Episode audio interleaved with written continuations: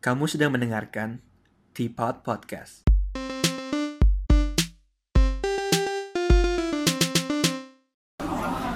Hello, welcome back to Teapot. Hari ini gue kedatangan tamu lagi nih. Si Kasepti yang dulu pernah juga kita bikin episode soal BNI ya kak ya. Iya. Uh, seneng banget bisa dapet Kasepti lagi buat ngobrol-ngobrol di sini. Boleh sapa lagi kak pendengar kita dulu. Halo pendengar setianya Tipot apa Tipot bener ya? Bener, bener, bener. Aduh sorry ini jadi lupa. Jadi- Eh, pendengar setianya Tipot selamat mendengarkan obrolan kita nanti. Semoga asik untuk didengerin. Ya jadi kemarin pas habis kita bikin episode podcast kemarin tuh si Kasepti langsung bilang kayaknya pengen bikin lagi Ma- malah ketagihan ya kayaknya Iya, iya soalnya juga karena emang suka ngomong jadi ketagihan kalau untuk ngobrol-ngobrol kayak gini sih. Iya. Asal nggak salah ngomong aja.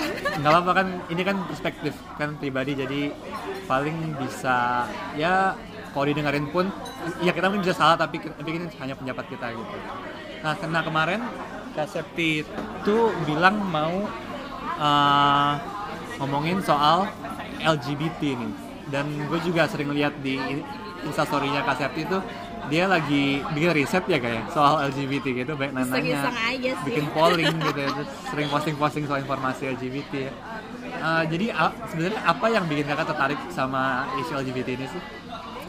apa ya isu LGBT itu kan emang seksi banget ya Eh, nggak nggak banyak orang yang eh, apa ya suka dengan isu-isu LGBT dan gak sedikit juga orang yang anti LGBT dan aku salah satu orang yang mendukung hak-haknya LGBT dan bukan berarti kalau orang-orang yang mendukung eh, hak-hak LGBT ataupun mendukung para pelaku LGBT itu juga orang yang melakukan Tindak ah, apa namanya tindakan LGBT Ah, tersebut iya, iya. kan gitu kan. Jadi ya karena atas kita melihatnya itu ah, dari apa ya atas hak kemanusiaannya aja sih gitu. Kalau mau berbicara soal teologinya gitu ya aku nggak nggak begitu paham ada di hadis berapa dalam agama. Aku paham sih agama apa pun juga melarang untuk eh, apa namanya melakukan tindakan LGBT gitu kan. Aku nggak mau berbicara soal teologisnya di sini tapi aku mau berbicara soal eh, apa ya soal sosialnya lah gitu. Nah kan tadi sebenarnya aku pengen nanya sih kan padahal pengen nanya apa uh, menurut kakak tuh berarti LGBT itu boleh ya? Soalnya kan ada orang yang kadang mikir boleh ada yang mikir nggak boleh banget benar-benar anti. Ada juga yang mikir ya menurut dia nggak boleh tapi ya terserah orang gitu kan. Kalau aku pribadi sih ini sebenarnya aku nggak gitu peduli gitu. Kayak, kayak yang penting orang nggak ganggu aku ya terserah mereka mau ngapain kan. Tapi dalam hati aku kalau eh, karena aku lahir dan juga besar di lingkungan yang namanya konservatif ya kan soalnya lahir di Asia apalagi lingkungan juga mengenai agama gitu. Jadi ya kayak intuisi pertamanya pasti kalau mendengar kata LGBT itu oh nggak boleh. Ta- ta- tapi sih setelah bergaul dengan banyak orang lihat banyak berita segala ya aku mikirnya oh ya udahlah terserah mereka juga gitu kan. Sebenarnya mereka mau ngapain? Yang penting nggak nggak nggak ganggu aku sih gitu. Soalnya kalau kalau aku malah lebih masalah sama orang rokok gitu misalnya. Orang rokok kan mereka Itu sebel banget melakukan- ya. mereka melakukan hal yang Iya, salah uh, itu terus ganggu orang kan baunya gitu kan. Tapi kalau LGBT misalkan mereka salah pun itu kan gak ganggu kita gitu kan. Jadi menurut aku ya udah ter- ter- terserah gitu sih. Gimana? Nah eh, kalau ngomongin soal LGBT biasa kok dalam riset tuh orang terbagi jadi dua nih. Ada yang bilang LGBT itu faktor biologis. Katanya orang ya emang lahirnya seperti itu. Jadi kelainan hormon ataupun itu mereka nggak bisa mengontrol eh, apa mereka suka sama cowok atau suka sama cewek gitu kan nah tapi ada juga beberapa yang bilang oh itu mah faktor lingkungan aja. Karena lingkungannya nggak bener mereka jadi begitu tuh karena mereka uh, di- didukung sama teman-temannya buat mengeksplor hal-hal seperti ini akhirnya mereka jadi terjerumus gitu. Nah kalau kakak lebih leaning ke mana nih? Fa- faktor biologis atau faktor lingkungan? Kalau yang secara pengalaman aku karena aku juga dikelilingi oleh teman-teman yang mereka juga LGBT gitu kan. Dari tahun 2009 aku udah dikelilingi sama teman-teman yang LGBT dan lebih dominannya itu ya ke lesbian. Uh, kalau menurut aku dua-duanya sih karena kan ya ada juga teman aku yang emang dari kecil itu udah jiwanya itu dia perempuan tapi jiwanya itu kayak lelaki gitu jadi emang dia dari kecil maskulin gitu Iya, dari kecil udah suka sama cewek gitu kan. Dan kalau untuk yang gaynya itu aku kurang paham juga ya. Maksud aku apa ya? Karena aku juga nggak eh, melihat dengan mata kepalaku sendiri karena aku nggak punya banyak teman eh, gay gitu. Kalau eh, untuk lesbian itu ya ada juga yang karena faktor biologis, terus ada juga yang faktor karena lingkungan gitu. Ya apa ya faktor lingkungan itu emang mempengaruhi banget kan apalagi kalau kita itu juga nggak bisa se- apa yang namanya eh, mengontrol diri kita gitu kita bisa ke bawah arus sana gitu Heeh, jadi menurut aku ya emang dua-duanya itu dua-duanya ya, sih iya. Dua-duanya dan pengaruh itu menurut aku ya ya kayak yang kayak kamu bilang LGBT itu nggak merugikan kok selagi orang LGBT itu tidak menyakiti orang lain nggak menyakiti orang yang ada di sekeliling mereka gitu. Ya kamu tahu eh, soal apa namanya perkara yang Reinhardt itu itu emang udah merugikan orang kan. Oh iya. Jadi Jadi Sebentar aku pengen bahas juga tapi kita, Oke, kita, kita, ya. tahan, kita tahan sebentar di sana mungkin. Jadi tadi kembali yang barusan itu, jadi menurut kakak itu gabungan dari dua faktor ya biologis dan juga lingkungan gitu ya. Berarti nggak nggak bisa kita mengotakkan cuma satu faktor gitu ya. berarti Iya, ya? Iya ini ter, apa namanya ini sesuai dengan pengalaman aku aja ya yang dari dulu aku bergaul dengan mereka. Iya iya. Ya, mungkin ketertarikan si para pelaku LGBT ini eh, dari cara apa ya? Ya mulai dari cara berpakaian, terus lingkungan, akhirnya jadi tomboy lah. Karena aku tahu sebenarnya di dalam dunia lesbian, kalau di Indonesia itu eh, apa namanya kita buka-bukaan aja deh Boleh nggak apa-apa. lesbian itu nggak mereka itu nggak apa ya nggak nyebut lesbian tapi nyebutnya itu belok Oh iya belok sama kan kalau orang norm yang dianggap normal itu kan Iya, kalau sama cewek-cewek sama cowok itu kan lurus.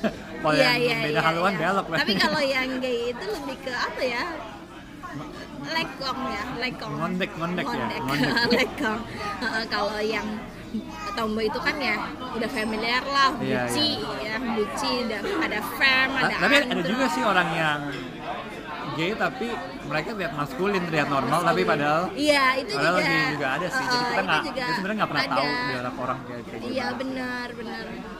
Nah tapi menurut kakak nih kan banyak isu soal LGBT itu orang nggak diterima lah dipersekusi. Kenapa orang nggak mau terima mereka ya menurut kakak ya dari dasar apa nih mereka nggak- mau terima? Mungkin mereka takut.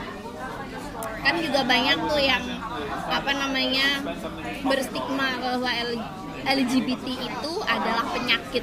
Para pelaku LGBT dan bahkan pun pendukung LGBT itu adalah eh, orang-orang yang mempunyai sakit jiwa. Kelainan. Uh, kelainan jiwa dan mungkin mereka orang yang non LGBT itu mendiskriminasi akhirnya mendiskriminasi si pelaku LGBT ya karena menganggapnya cuma kayak gitu doang. Mereka hanya melihat dari sisi negatifnya aja. Mereka nggak karena mereka tidak pernah mencari tahu dari positifnya itu apa gitu kan. Aku juga kadang heran maksudnya aku tuh Kayak kenapa ya, sampai se- kenapa harus banget gitu ya? iya kayak yang di mana itu eh, daerah Jawa Barat Iya. yang ada pasangan lesbian eh, ngekos di suatu daerah terus akhirnya baru tahu tuh belum, tahu soal ini. Itu ada itu tahun berapa ya? 2018 atau berapa? Aku oh, lupa berarti itu main reason ya? Iya iya. Iya, terus eh, penduduk situ itu warga situ ngusir para pasangan LGBT ini, para lesbian ini supaya nggak nggak ngekos di situ karena mereka beranggapan mereka itu si si si lesbian ini adalah penyakit gitu. Dan sampai bikin apa sih namanya surat gitu. Surat ke untuk dikasihkan ke para pemilik kos-kosan untuk tidak menerima pasangan LGBT ngekos di situ. Gitu. Itu kan terlalu gimana ya? Tapi aku jadi bingung nih. Mereka pikir itu penyakit jadi mereka nggak suka kan. Tapi penyakit itu kan nggak menular walaupun penyakit misalnya penyakit jiwa kan nggak menular. Kalau orang gila udah orang gila nggak jadi gila juga sih kayaknya. Iya nggak tahu depresi. paham deh ya itu itu kenapa emang orang-orang stigma yang aneh ya stigmanya itu aneh dan mereka kenapa sih bisa langsung memberi stigma yang seperti itu? Ya mungkin karena apa ya mereka mungkin takut. lebih ke agama ya mungkin lebih ke ke apa namanya lebih Oh. melihatnya dari sisi keagamaannya gitu. Padahal yang ini sih sebatas sebatas apa ya yang aku baca dan tipis dan tipis tipis-tipis banget lah ya. Dan itu padahal eh, di zamannya Nabi Lut juga udah ada pasangan sesama jenis gitu kan. Sorry dan yang lain-lainnya gue nggak mau ngomongin. Iya soalnya aku juga pernah dengar gitu sih. Kalau jadi komen komentar section gitu ya section komentar sih biasanya orang itu sering bilang kalau orang orang lain yang dosa mereka juga yang nanggung katanya gitu kalau misalnya nggak ngingetin kan. Itu kan kepercayaan mereka. Tapi aku mikir gimana caranya kita bisa kontrol semua orang komen. Iya. ya. Yang kontrol diri sendiri dulu deh iya gitu. maksudnya diri sendiri dulu maksudnya at least kan orang di dunia ini ada ber- berapa berapa miliar gitu kan. Kalau misalnya orang dosa di belahan dunia lain anda ngingetin anda masih kayak masih ikutan dosa gitu berarti kan serem juga gitu kan Ya seperti yang kalau menurut aku juga ya itu haknya mereka. Mereka punya hak untuk melakukan tindakan LGBT karena mereka sendiri juga sebenarnya udah tahu resikonya apa gitu. Cuma kita ya sebagai eh, manusia yang non LGBT seharusnya kita malah justru melindungi mereka, eh, merangkul mereka gitu supaya mereka ini enggak Nggak merasa terasingkan gitu lah ya. Ya kita- terasingkan karena kan ada juga tuh yang politisi politisi Indonesia dari salah satu partai yang emang partai ini agamis juga dan mengatakan depannya bahwa P ya? Iya. Depannya P. Dan dia mengatakan eh, para pelaku LGBT itu 54% ya kalau nggak salah itu 54% dia depresi. Terus ada berapa persen itu di eh, para LGBT itu mel- melakukan percobaan bunuh diri gitu. Itu menurut aku kayak gimana ya maksudnya? sebenarnya ya Risa itu sah-sah aja Heeh. tapi menurutku nggak nggak nyambung sih Iya nggak nyambung juga. Mesti kalau lu kan nggak kalau tahu. misalnya mau mau dicari tahu orang normal juga banyak yang pengen bunuh diri orang normal juga banyak yang depresi orang-orang artis-artis yang biasa juga yang depresi Iya, apalagi yang sering nggak ada hubungannya gitu. Kan iya ada nggak ada kan. hubungannya sih jangan-jangan mereka depresi karena kalian bully bener bener bener. kan mereka LGBT kalian bully depresi lah dia Iya iya bener bener. Iya, jadi seperti itu kan. Jadi kadang-kadang tuh kalau di riset-riset gitu ada yang namanya apa korelasi bukan bukan berarti sebab. Jadi walaupun ada korelasinya dalam sa- satu faktor dengan yang lainnya, bukan berarti faktor itu penyebabnya. Penyebabnya. Iya. Lah iya makanya karena karena orang yang memberikan apa namanya analisa seperti itu kan dia belum tahu ya dia juga cuma asal comot cherry picking kan nggak Iya, iya. nggak menganalisanya yang secara detail sedetail detailnya Benar, apa sih penyebab dia itu bunuh diri kalau ada faktor yang lain tapi dia nggak tahu cuma nyomot dong kayak gitu itu udah keterlaluan banget apalagi politisi gitu. Maaf aja ya maksud aku begini loh. Orang yang memandang LGBT itu adalah penyakit entah dia punya jabatan setinggi apa pun menurut aku itu mempunyai kemunduran dalam berpikir. Karena dia nggak tahu bahwa di dunia ini juga ada kok para pelaku LGBT yang luar biasa yang hebat. Contoh-contohnya dalam apa namanya eh, mempunyai jabatan di dalam pemerintahan di setiap iya. setiap negara gitu kan ada gitu ya Banyak banyak. Iya kalau yang setahu aku itu kayak di Hong Kong baru banget nih ada pemilihan anggota Dewan Distrik tahun 2019 ada Iya. tiga orang eh, pelaku LGBT yang terpilih. Itu kenapa sih mereka bisa terpilih? Coba mohon maaf kalau misalkan di Indonesia pasti udah tersingkirkan kan? Eh, Soalnya karena kayaknya mereka mungkin- cuma melihatnya dari orientasi seksualnya, tidak melihat dari kinerjanya Benar, benar. mereka gitu apalagi um, meskipun si orang LGBT ini udah mempunyai rekam jejak yang bagus, udah punya pengalaman banyak, tetap aja Pak, mungkin bakalan disingkirin sama Iya, yang lainnya gitu kan. Kalau di Hong Kong kan ada dua orang uh, gay ada satu orang lesbian gitu. Terus ada juga politisi juga yang lesbian sekaligus aktivis juga gitu kan. Terus ada juga perdana menteri Finlandia. Itu kan juga anak dari hasil uh, jadi begini anaknya dari pasangan lesbian gitu mereka kan. adopsi gitu adopsi ya kayak gitu. Iya mungkin adopsi aku Uh, belum belum atau paham inseminasi betul. kali ya nggak tahu ya Nah, terus ada juga perdana menteri uh, di Serbia itu juga seorang lesbian dan pasangannya baru kemarin itu melahirkan anak juga Oh. anaknya laki-laki gitu tapi aku nggak paham aku belum mencari tahu anak ini terlahir dari apa namanya bayi tabung kah atau apa aku nggak paham ya. Iya, soalnya aku mungkin mungkin itu masalah kultur juga kali ya. Iya. Kalau di Indonesia kan kulturnya lebih konservatif. Kalau di Hong Kong dengan orang-orang yang lebih individualistik, saya rasa sih lebih banyak yang progresif. Jadi mereka ya mereka nggak peduli lu, lu mau ngapain gitu. Yang penting lu bisa kerja gitu kan. Jadi ada bagusnya gitu. Jadi kalau Iya. misalnya mau buat politik, beda lu lu mau lu mau gay gitu, lu mau lesbian, lu mau mau kalau jelek ya mau kalau apa mau agama lu apa kayak kayak yang penting yang lu penting bisa kerja, kerja, gitu ya yang penting dan nggak merugikan benar rakyat ya. gitu, Iya sih. Kalau untuk homoseksualnya itu kan di Hong Kong itu udah apa namanya udah emang udah legal dari tahun 91 tapi sampai sekar- sekarang ini tuh belum ada pengakuan hukumnya gitu. Jadi belum ada Oh. perlindungan undang-undang perlindungan dilarang juga. tapi nggak dilindungi juga iya, gitu ya? jadi di nggak bisa ya itu? sama sama di Indonesia sih. Di Indonesia juga kan sampai saat dilarang ini nggak sih? Tapi di. Indonesia dilarang nggak di Indonesia? Di Indonesia apakah dilarang? Kayak kayak aku jadi kurang tahu begini, sih aku pernah baca juga. Ah. kebetulan kemarin aku juga ya riset riset Iya, tipis-tipis lah iseng-iseng gitu. Ah, pada zaman jadi tahun apa namanya eh, tahun 69 itu itu udah ada namanya eh, komunitas waria komunitas waria. Dan pada tahun itu kan 1969 itu ada eh, gubernur Pak Ali Sad- Pak Ali Sadikin Iya. yang menjabat kan dan Iya, Pak iya. Ali Sadikin itu justru memberikan fasilitas untuk komunitas tersebut.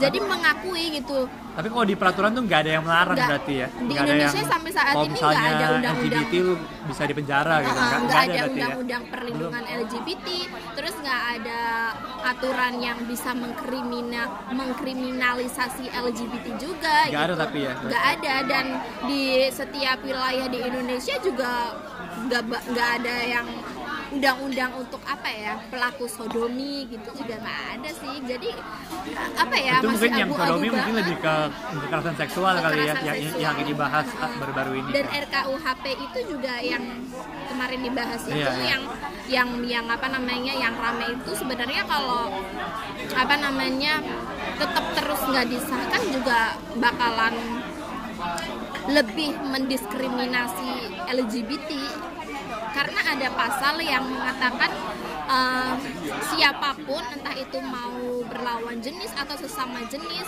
yang melakukan hubungan hubungan uh, pelecehan seksual Iya. ya kayak apa namanya yang secara terpaksa gitu ya. Iya, iya, iya. Uh, itu juga bisa dijerat gitu kan.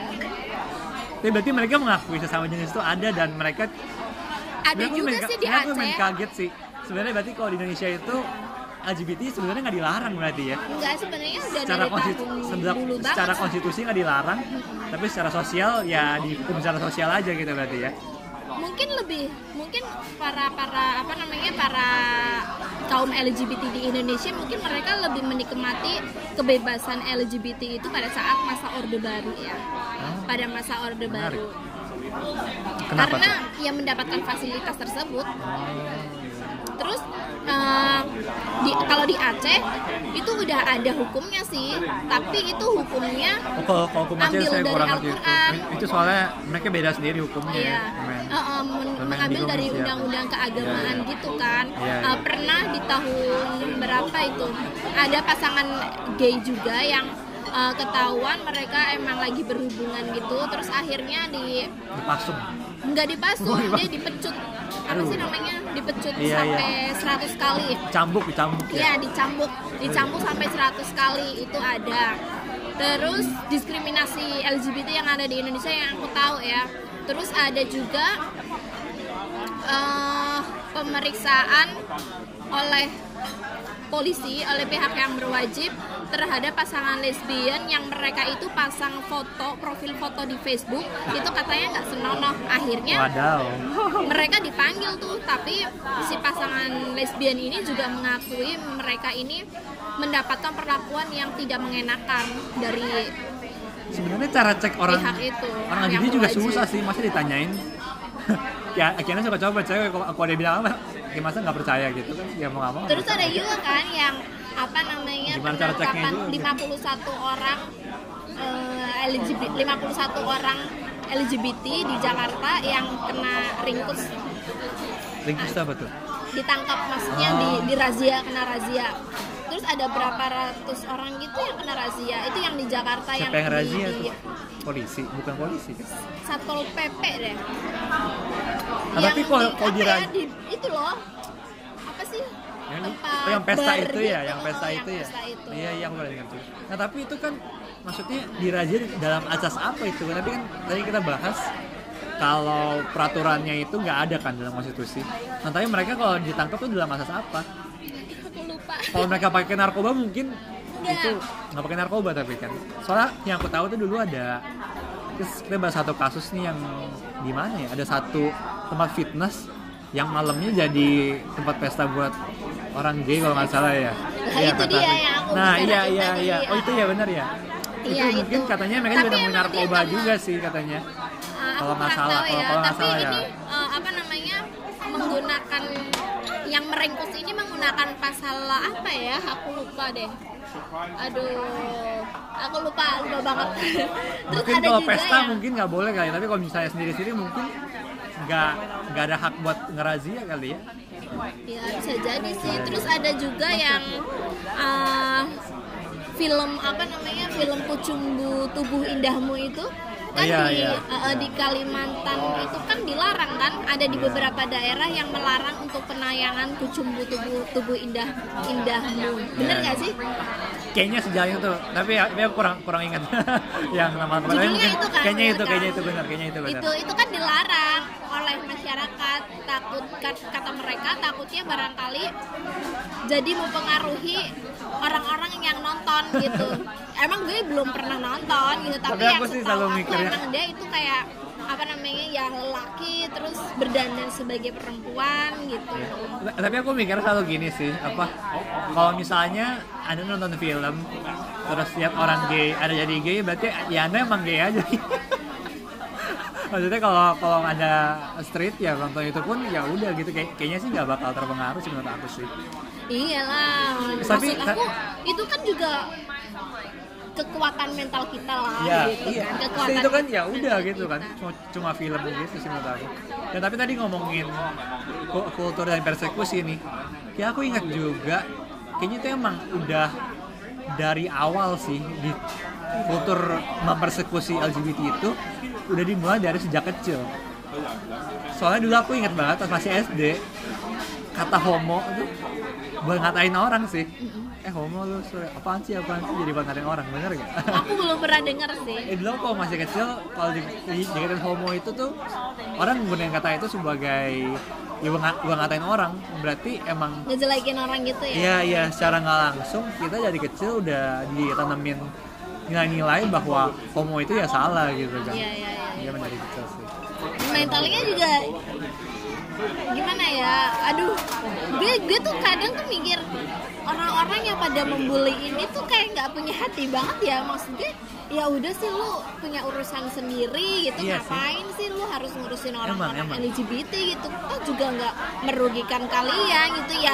Dibandingin dengan orang yang merokok di depannya kita itu kan di tempat umum deh itu mengganggu banget. Aku benci banget sama asap rokok benci apalagi banget di Hong Kong ya jalannya kan sempit gitu. Uh-uh, jadi tapi kalau orang Kong itu lumayan. kan ngerokoknya nggak sambil jalan kan tapi tapi kita yang jalan. Orangnya Iya di jalan sih. tengah jalan. Kita yang jalan. Tapi masih mending lah daripada Iya. di Indonesia udah ada asap dari kendaraan ada asap rokok polusinya juga Iya. kayak gitu kan bikin jengkel gitu. Aku emang bener-bener benci banget sama asap rokok. Ya, tapi aku gak benci sama kaum LGBT ya. Ya aku mikirnya kalau misalnya ada orang LGBT, misalnya kita pakai satu-satu deh. Tadi kan kalau salahnya gara-gara biologis, ya aku bisa ngapain juga gitu kan. Ya udah mereka masa mau aku paksain gitu? Iya, orang kan suka cowok punyanya. eh suka cewek dong masa gitu? Kan Ya nggak kan bisa kita juga gitu nggak kan. memaksa. Emang juga ada Nggak yang maksa, gitu. apa namanya eh, kemarin aku baca juga itu ada apa namanya eh, jadi keponak apa ya adik ipar adik iparnya si orang itu datang ke apa ya mencoba untuk periksa kejiwaannya lah gitu. Secara psi, psi- apa sih namanya? Psikologi ah, Psikologi, ya gitu. Ya terus dia emang dia itu dia kenapa menjadi sesuka sesama jenis? Karena dia bilangnya aku itu udah punya rencana begini-begini ke depannya sama cewekku. Tapi ternyata cewekku itu malah nikah sama lelaki lain gitu. Akhirnya ya sakit hati di situ dan terus dia bilang cewek ada itu sama trauma. aja Jadi gitu. ada trauma gitu iya ya. sakit hati. Cewek itu sama aja gitu. Ya udah akhirnya dia suka sesama jenis. Dan kalau lihat foto orang ganteng nggak tahu kenapa aku tuh deg-degan banget gitu. Ya, itu berarti sama kan aja udah, kayak udah biologis itu berarti kan udah biologis berarti udah ya kita nggak bisa maksa mereka juga dan Iya itu dari faktor dari sakit hati Iya, iya. dari sakit hati. Dan lesbian juga kayak gitu banyak kok lesbian yang yang karena disakitin sama cowoknya terus akhirnya dia menjadi apa namanya seorang lesbian kayak gitu. Banyak sekali faktor-faktor yang menyebabkan mereka itu menjadi pelaku LGBT Se- harus kalau misalkan emang mau apa tahu soal LGBT emang kita harus apa ya banyak-banyak baca gitu kan eh, cari-cari tahu supaya eh, nggak terlalu negatif banget lah kalian berstigma soal LGBT itu. Ya kadang biasa kita itu punya banyak stigma karena kurang ngobrol aja Kurang. kita ya. Kurang ngobrol kayak jadi iya kayak kemarin pas aku apa namanya polling terus pas Iya, aku iya. tanya itu Ah, ah. malu gak sih kalau kalian berteman dengan pelaku LGBT ada yang menjawab enggak ada yang menjawabnya malu lah. Eh, nanti takut juga barangkali ketularan begini-begini. Kan lu kan lu yang harus membentengi diri lu sendiri. Ngapain lu juga harus takut gitu? Kalau misalkan lu nggak mampu ya udah nggak usah berteman sama mereka. Ya ya berteman bisa aja tapi sebatas ya lu tahu sendiri lah batas-batasannya asal kalau kadang asal ada orang yang bilang mereka takut teman sama LGBT takut mereka suka gitu orangnya. Tapi kadang-kadang jangan GR juga kali. Ya Karena Eh, kan orang LGBT kalau cowok udah teman sama ceweknya kan ya cewek suka sama cowok juga. Nah, maksudnya kalau cowok sama teman sama cowok orang walaupun LGBT dia gay juga nggak tentu suka punya, nih. punya level ketertarikannya itu tinggi loh. Iya iya. Mereka juga punya selera sendiri. Jadi jadi anaknya jangan GR juga. Oh iya seleranya lihat kan para apa namanya kaum gay yang ganteng-ganteng ternyata gay itu juga punya ketertarikan dengan lelakinya itu tinggi loh. Apalagi aku ada beberapa teman juga aku emang nggak tahu kenapa aku juga apa ya namanya eh, riset-riset kayak gini aku punya rencana juga apa namanya mau ke di Hong Kong itu kan ada beberapa bar yang khusus untuk LGBT untuk ada. Oh, gay iya, iya, untuk iya. Lesbi ada. Iya, gitu iya, kan. Aku juga pengen ke situ gitu ya pengen tahu gitu. Eh, jadi mereka Pengen itu kayak gimana? gitu ya. iya pengen lihat gitu. Nanti riset risetnya ya sampai segitunya ya. Terus aku cari-cari aku sampai gabung juga di suatu aplikasi untuk aplikasi aplikasi khusus untuk lesbian. Aku cari-cari juga di situ. Terus aku ngefollow ngefollow Instagram eh, yang khusus untuk eh, lesbian untuk gay juga Iya, gitu iya. kan di Hong Kong. Dan aku baru punya temen orang Hong Kong yang dia juga punya suatu komunitas terus eh, apa namanya punya kafe juga. Mereka juga LGBT di situ gitu.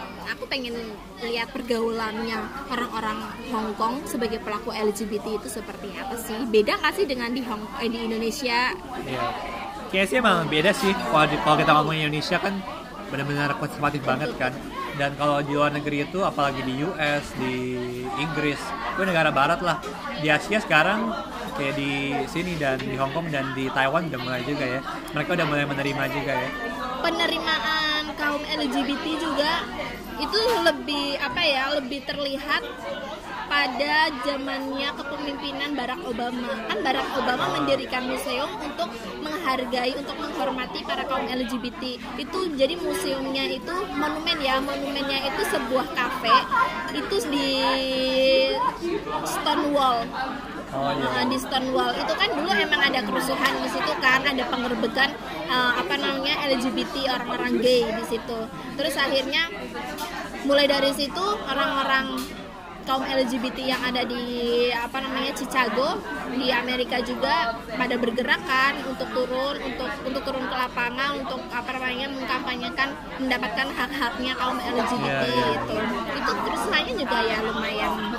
Emang teori teorinya emang seperti itu sih semakin progresifnya negara semakin mereka memperhatikan orang itu sebagai individual jadi kalau individual kan ya udah terserah lu yang penting lu seneng gitu kan. Jadi mau LGBT pun nggak apa-apa. Tapi kalau misalnya negara-negara yang lebih konservatif mereka melihatnya tuh sebagai sebuah komunitas.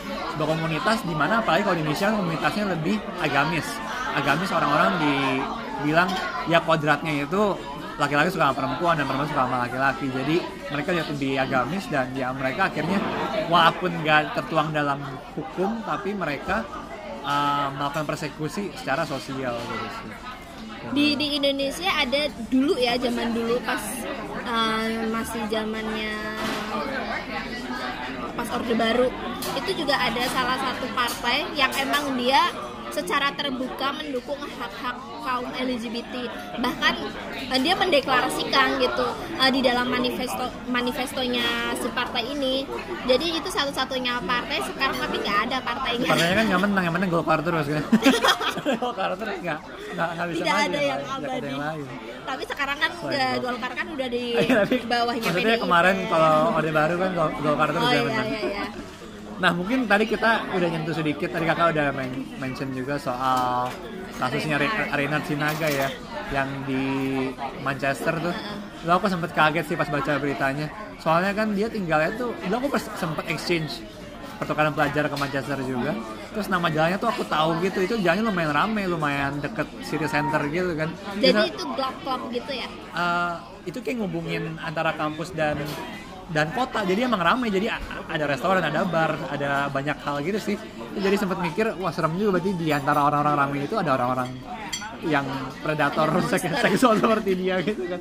Kan ini buat yang belum tahu nih eh, jadi relasi naga itu dia eh, dituntut soal kasus dia itu mem- memperkosa 100 lebih 190 laki-laki ya lebih lelaki. Yang laki-laki ta- tapi yang bisa dibuktiin cuma 48, 48 ya kalau yang nggak maju salah. ke persidangan Iya iya.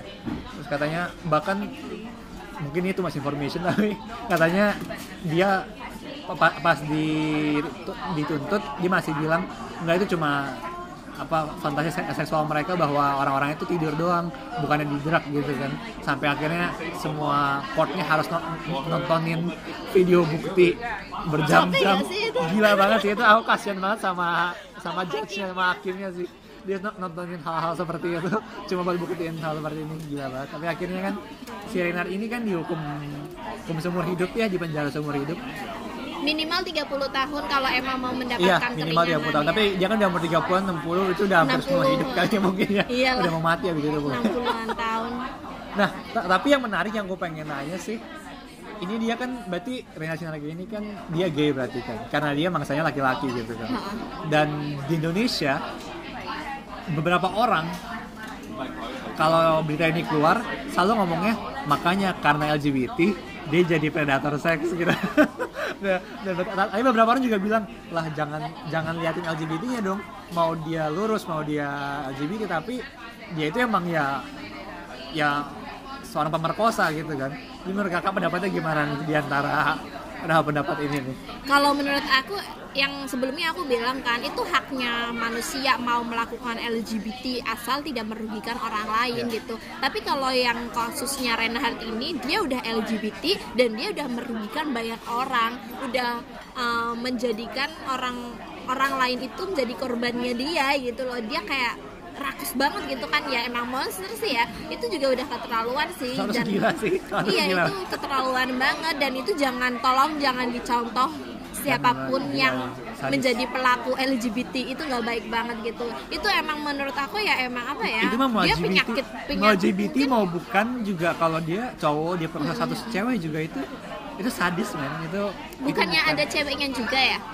Setahu nggak ada nggak tahu sih aku nggak baca bilang tapi maksudnya kalau cowok berkuasa terhadap cewek itu, itu tidak membenarkan aksi mereka juga iya gak sih jadi salahnya tuh bukan di LGBT-nya tapi salahnya di tapi kayaknya dia biseksual deh Iya iya, ta- tapi salahnya itu kan karena dia memerkosa gitu kan. kebanyakan yang Iya, di, iya. di apa namanya ke- yang dikerjain sama dia cowok ya kebanyakan Iya, jadi menganggapnya juga sebagai gay gitu. Iya, jadi emang itu berarti konklusinya emang bukan salah di LGBT tapi karena dia emang kelain- ada kelainan aja kali ya sampai Iya, dia iya. tega buat uh, perkosa 100 orang lebih gitu ya. mungkin setiap hari dia juga bisa juga dia karena nontonin video-video porno terus akhirnya dia apa namanya jadi nggak apa ya nggak bisa tahan gitu. Ya udah siapa iya. aja lah gue ngincer orang-orang yang lagi di bawah kesadarannya Iya, aja. Eh, terus ya udah sikat-sikat aja. Tapi ya apa enaknya sih maksud gue apa enaknya sih melakukan hubungan seks tanpa dilandasi dengan rasa cinta dengan rasa sayang? Kalau menurut gue sih nggak enak gitu. Tapi kalau kalau bagi orang yang kayak si Renhard gitu ya enak-enak aja ya tapi iya. aneh gak sih gitu? Maksud gue aduh Serem apa sih, enaknya? serem, serem. apalagi orang itu di bawah alam kesadarannya dia. Maksudnya dia lagi nggak sadar Iya. gitu kan? aku serem sih sambil beritanya. tidur gitu. Lumayan kaget sih emang lo bisa menikmati? Nggak tahu lah itu orang-orang aneh mungkin. Ya mungkin tadi kita udah ngobrol lumayan lama juga nih sampai lupa waktu ya. Iya tapi paling nggak ada tips ya gimana caranya supaya kita nggak jadi judgmental nggak terlalu menghakimi orang-orang yang LGBT gitu. Mencari tahu informasinya lebih banyak lagi supaya tidak gampang untuk mengejudge kaum LGBT ini. Karena para pelaku LGBT ini juga manusia. Lu juga sebagai manusia gitu kan. Harusnya lu memiliki hati yang baik lah. Minimal tidak membenci siapa pun orang yang ada di sekeliling lu. Apalagi kaum LGBT gitu kan. Dan untuk memanusiakan manusia ya caranya ya seperti itu. Nggak gampang mengejudge gitu. Entah apa pun hal itu gitu. Apalagi kaum LGBT yang terlalu seksi banget isunya gitu. Jangan gampang mengejudge lah. Kalau lu Iya. mau membanding-bandingkan dengan agama ya udah lu cukup diem aja cukup uh, doain aja Karena karena dosa ada dia, waktunya. dosanya juga dia iya juga karena gue percaya sih ada akan ada waktunya para kaum LGBT ini akan kembali lagi ke kodratnya mereka masing-masing. Kalau sekarang ini mereka masih menikmati hidupnya menjalani kehidupan sebagai kaum LGBT ya biarin aja gitu. Ya seperti itu yang penting jangan sampai kayak Reinhardt aja sih. Sorry ya Gitu. Reinhardt karena lu terlalu banget gitu. Jadi gue juga nggak bisa ngebelain lu gitu. Bapaknya aja bilang hukumannya pantas kok seumur hidup iya jadi paling segitu aja atau kakak ada ada yang kurang ada yang pengen ditambahin lagi? Pengennya sih ngobrol terus tapi karena ternyata waktunya udah ya. mepet paling lain eh, kali kita ya next time lagi. kita ngobrol eh, isu-isu Mungkin lain topik yang berbeda kali ya? Oke paling segini dulu aja. Jangan lupa follow Tipot Podcast Di Instagram, di Spotify At Tipot underscore podcast. Follow Kak Septi Siapa namanya? Lengkapnya? Septi underscore Syahrini Yes Iya. Dan see you on the next perspective Bye bye Thank you. thank you